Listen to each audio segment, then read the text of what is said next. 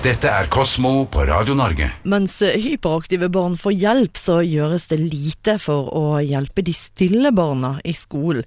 Hva er det Bjørnar Kjensli fra forskningen som gjør at vi ikke ser disse barna og deres behov på samme måte som de som er mer eh, utagerende?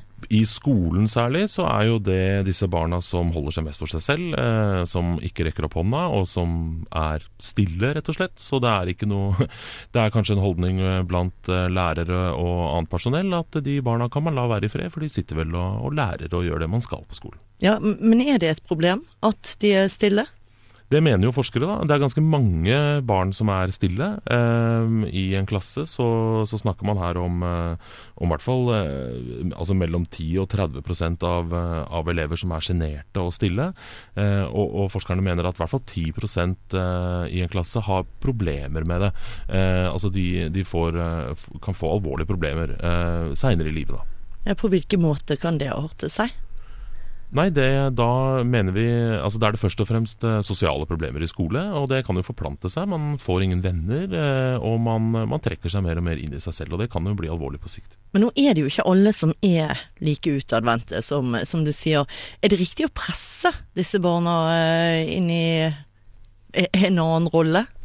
Presse de eh, mener ikke forskerne er riktig. Så man skal ikke ta den klassiske gammeldagse eh, skolegreia hvor man ber barn om å gå på tavla og, og, og lese høyt eller skrive ned leksene sine. Eller, eh, det kan bli ganske intenst for de som er stille.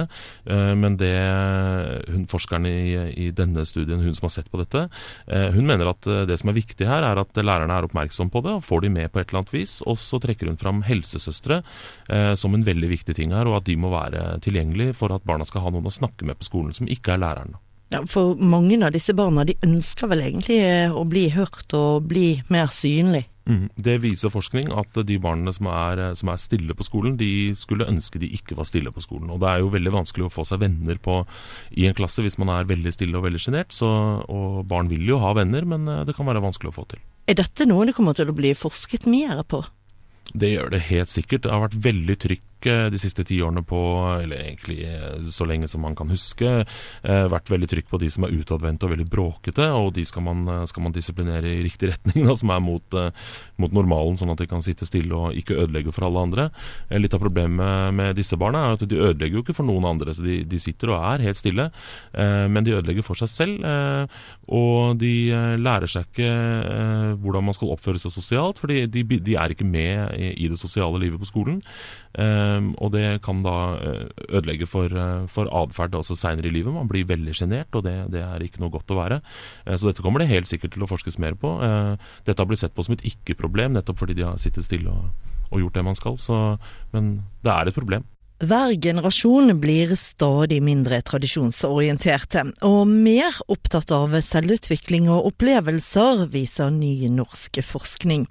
Betyr dette, Hanne Jacobsen fra forskning.no, at fremtidens godt voksne, om vi kan eh, si det sånn, vil bli mindre opptatt av husstell og skikk og bruk, og mer opptatt av ja, f.eks. ting som å reise og det å nyte livet? Det ser absolutt sånn ut. Eh, de eldre de eldste eldre, for å si det på den måten, eh, har mer eh, tradisjonsbundne måter å se verden på enn eh, de mer middelaldrende. Og sånn går det på en måte i generasjonene bakover. Sånn at når en person i 80-åra sier at uh, det er veldig viktig at man lever etter skikk og bruk, f.eks., så vil kanskje en person som er litt yngre, legge mer vekt på at det er viktig å realisere seg selv og reise. Og så blir jo de eldre etter hvert, sånn at den holdningen vil de mest sannsynligvis ta med seg inn i alderdommen, og dermed får man mindre regelbundne og mindre tradisjonelle eldre med åra. Verdier som makt og suksess, f.eks. Hvordan eh, passer det inn eh, i de forskjellige alderstrinnene? Du, det har eh, nesten, holdt på å si, nesten ingenting å si for, eh, for noen av de eldre aldersgruppene. Det er en eh, typisk litt sånn yngre verdi, og, og fra man kommer opp i middelalderen og oppover mot ordentlig pensjonsalder og videre, så får makt og status uh, i forsvinnende lite å si uh, sammenligna med mer kanskje hedonistiske, litt sånn uh, livsnyterting. Og, og så skal det sies at tradisjoner står veldig sterkt i den aldersgruppa. Det er mye konservativitet og liksom eh, holde på hvordan ting var. Eh, men mindre og mindre, da, for hver generasjon. Finnes det noe som er like viktig, om man er gammel eller eh, ung?